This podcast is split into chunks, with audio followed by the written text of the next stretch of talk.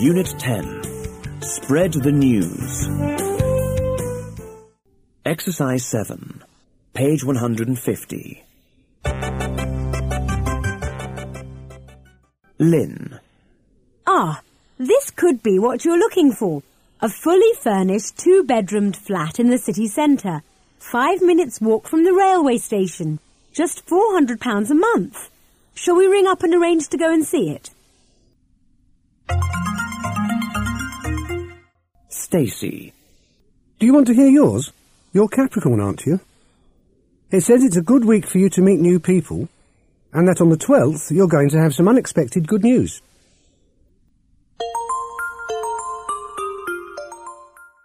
Bob. I'm totally stuck. I can normally finish it in about 20 minutes. But today it's really difficult. Have you got any idea what 17 across could be? Tony. I see someone's written in complaining about the council's plan to build that new supermarket. He says it's going to mean much more traffic in the city centre and that all our small local shops are going to suffer. I certainly agree with him about that. Exercise 9. Page 150. The bad weather that has been sweeping the country for the last two months has taken its toll again on the unlucky inhabitants of the small village of Upton in Warwickshire. They woke up on Tuesday to find that most of the village had been flooded for the second time in less than three weeks. The village lies on the River Severn, which has been at a dangerously high level all month. The flood defences had been reinforced after the first floods, but they didn't prove to be strong enough. Early on Tuesday morning, the river broke its banks again. Within hours, low-lying parts of the village were submerged in more than a metre of water. Local councillor Bill Jameson said that it was a total disaster for the town, as things were just getting back to normal after the first floods. The flood has caused thousands of pounds worth of damage, and up to a hundred people have had to be evacuated from their homes. The army has been called in and has been working all day using sandbags to try to build up the banks of the river again.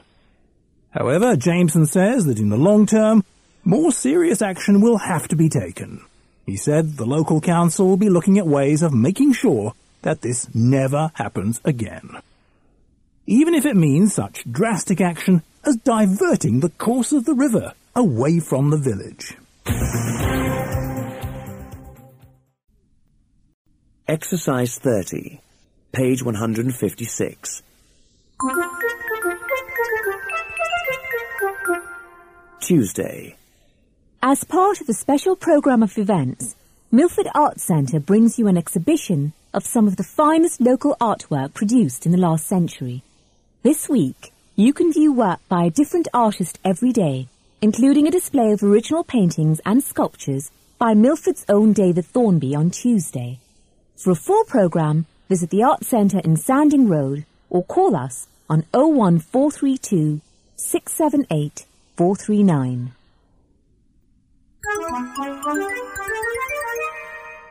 Wednesday.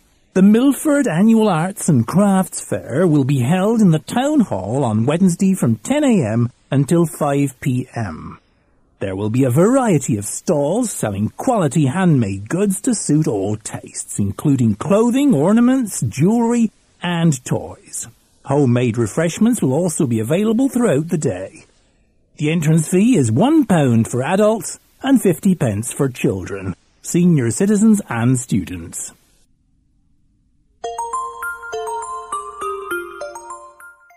Thursday. Come along to Milestones Bookshop in Milford Shopping Centre this Thursday, and you will have the chance to meet the author of this year's best-selling novel, Summer Skies.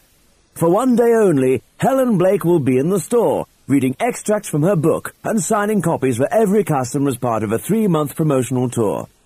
She will also be taking part in a question and answer session, so you can find out all you need to know about the author and her work. Milestones will be open from 9am until 6pm.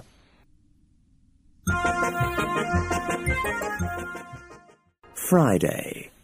Movie lovers won't want to miss Friday's unique program at the Odeon Cinema. Three Alfred Hitchcock favorites will be playing in an afternoon of classic thrillers.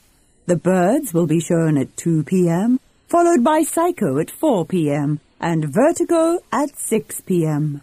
View the movie of your choice for the special price of £2.50, or, if you dare, See all three for just five pounds.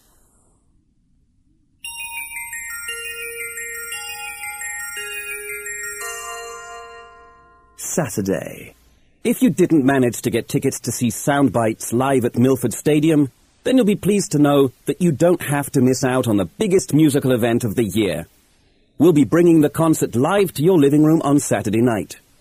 Tune in to Milford FM at 8 o'clock and turn up the volume for an evening of live entertainment and incredible music. 96 to 98 FM. Exercise 32, page 156. Turn that off, Bernard. That's not suitable for the children to see. But I'm only watching the news. I don't care what it is. It's too violent. Yes, you're right. But I suppose it's a sign of the times we're living in. We live in a violent world, and so it's only logical that there will be scenes showing violent events on the news. Yes, but I don't want to see it. They should cut those bits out. Now you're talking about censoring the news. We don't want to do that, Angela. Journalists have a moral responsibility to report the truth. If we allow them to distort the truth or change the facts just because it may offend or upset some people, then we will be asking for trouble. That may be so, but they shouldn't show such violence early in the evening when there is a possibility that young children may be exposed to it. They could simply report the news and then show the pictures on a later edition. That's a good idea. You know, some people say that if children are exposed to violence in the media, they develop aggressive behaviour. They say this is why there is so much violence in our society. The violence in society is reflected by the media and shown on TV.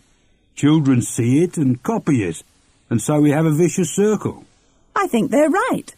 Parents have to be responsible and make sure their children don't watch violent programs. That's why we have a rating system, so people know before a film or TV program starts what age group it is suitable for and whether it contains violence or sex or bad language. Yes, but I don't expect the news to be X-rated. Exercise 34, page 156.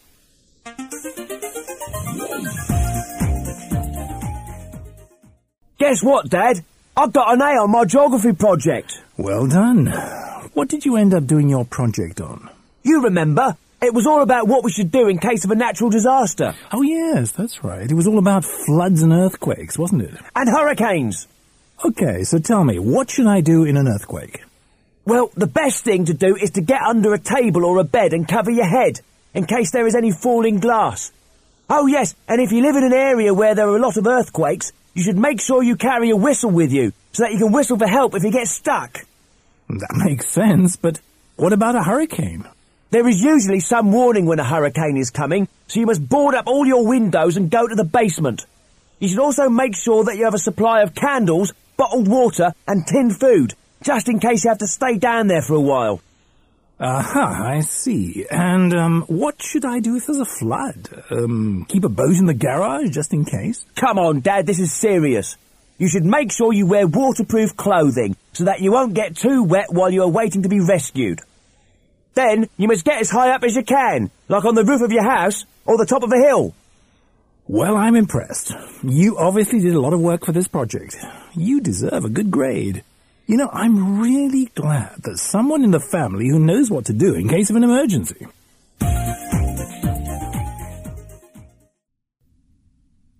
Exercise 36A, page 157.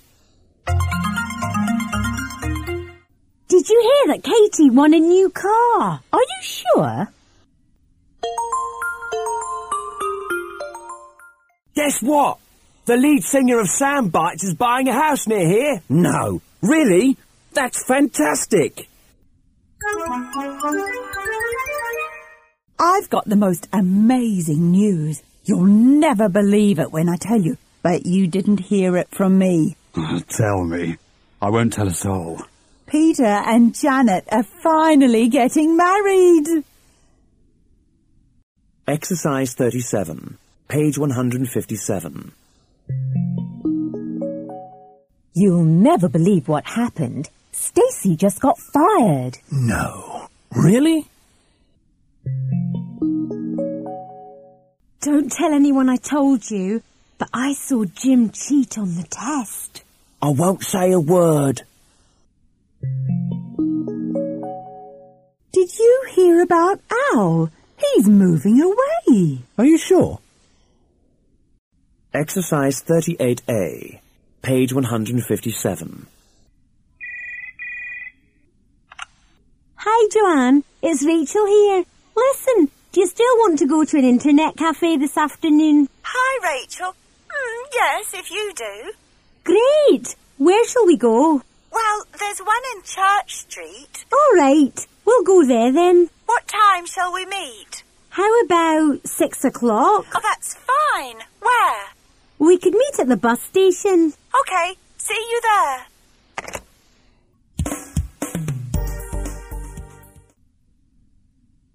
Exercise 39A, page 157. Hi, Danny. I'm calling about going to the cinema tomorrow night. I'm afraid I can't make it. Oh no, what's the matter? Well, to be honest, I'd forgotten that I promised I would babysit for my sister. I see. Well, another time then. Yeah. How about next Friday? No problem.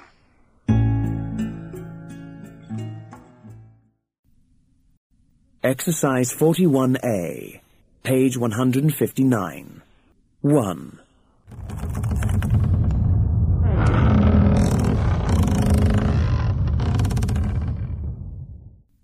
Two.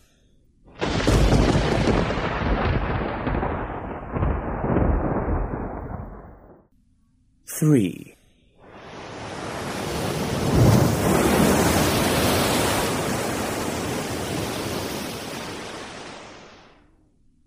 Four.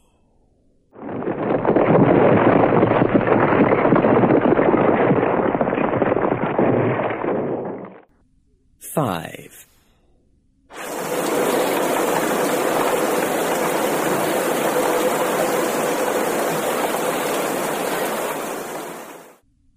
Six.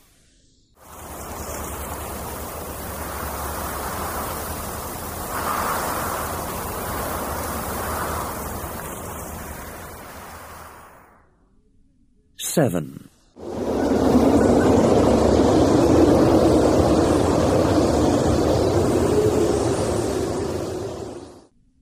Eight.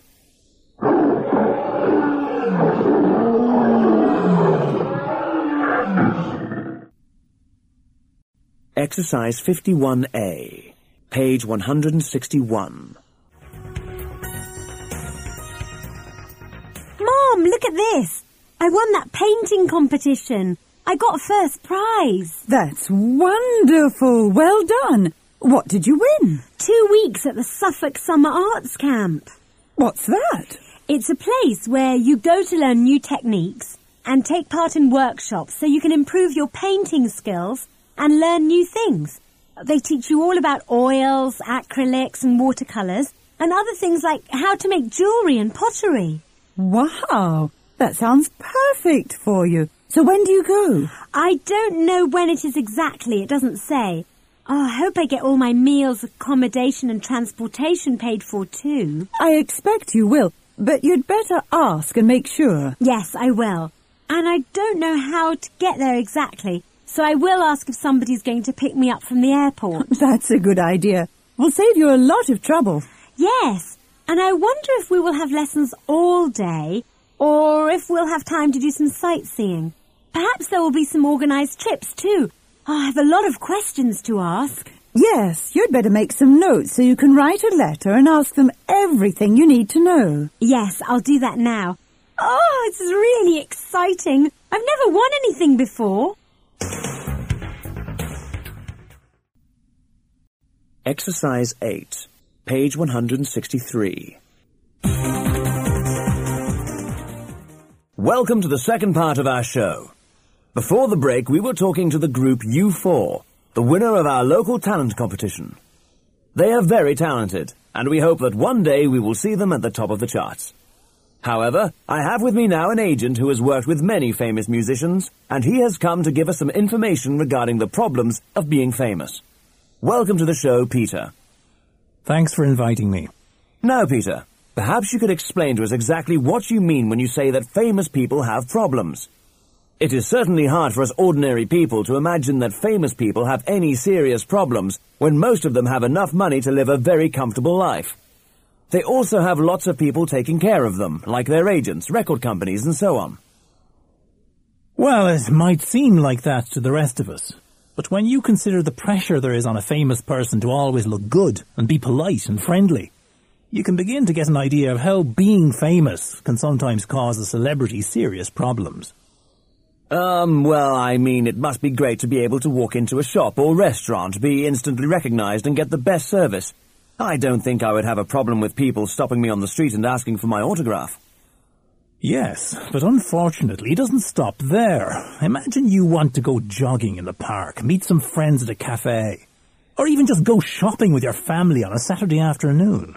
Your hair, makeup and clothes must always look perfect, because you never know when you will be photographed. Not to mention the fact that people constantly come up to you, ask for your autograph, and want to tell you how they feel about you and your work. Well, that still doesn't sound so terrible to me. Okay, how would you like to have to have a security system installed to prevent over-enthusiastic fans from breaking into your house, stealing your laundry off the washing line, or taking souvenirs for your rubbish bin? You've got a point. I don't think I'd like that very much. Then, of course, there's the paparazzi, the photographers who secretly follow you around, hoping to get a picture of you doing something embarrassing, like taking out the rubbish with curlers in your hair. Your family and friends will also find they have very little privacy. The children of famous people have particularly hard time because their classmates and even teachers will sometimes pretend to be their friend just to get closer to their parents. That's awful. But there must be some advantages to being famous. For example, having all that money would be nice. Even the money can sometimes cause problems. You can certainly afford to live a comfortable lifestyle, but the press will always criticise you. Let me give you an example. If you buy an expensive car, they will say you're showing off. If you buy an inexpensive car, they will say you're cheap or having financial problems. You also have to make sure that you have a trustworthy accountant because the tax department will be keeping a strict eye on you. That's a point. I hadn't thought of that. And don't forget your personal life will become everybody's business. For instance, if you take time off to relax, there'll be rumours that you're having a nervous breakdown. And if you ever have to go into hospital, everyone will know your personal health details. As you see, being famous can be quite complicated. You see, most people think celebrities are rich, successful people enjoying the attention of the public. Only a few realize that they are people too, who deserve some privacy. Thanks a lot, Peter, for helping us understand a little better what celebrities go through. I suppose you really do have to pay a price for fame. Exercise 12C, page 165. Spreading the news.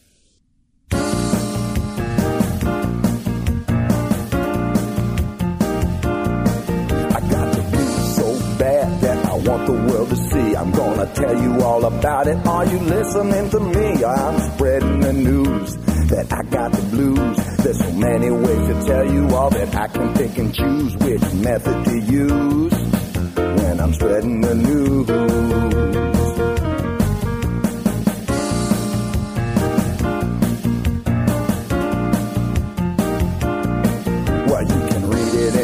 Or in the magazine, or you can see it in a news flash on your TV screen. I'm spreading the news that I got the blues. There's so many ways to tell you all that I can pick and choose which method to use when I'm spreading the news.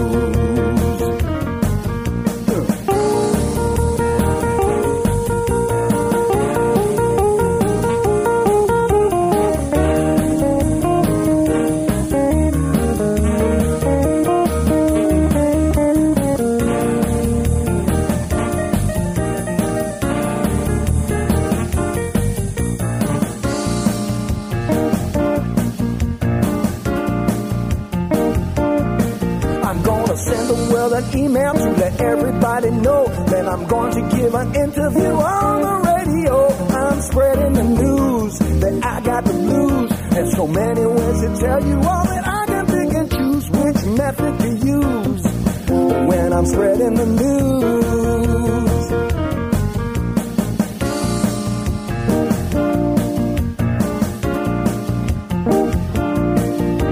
I got to find a way to make the world sit up and look. I'm gonna write my troubles in an electronic book. I'm spreading the news that I got the blues. There's so many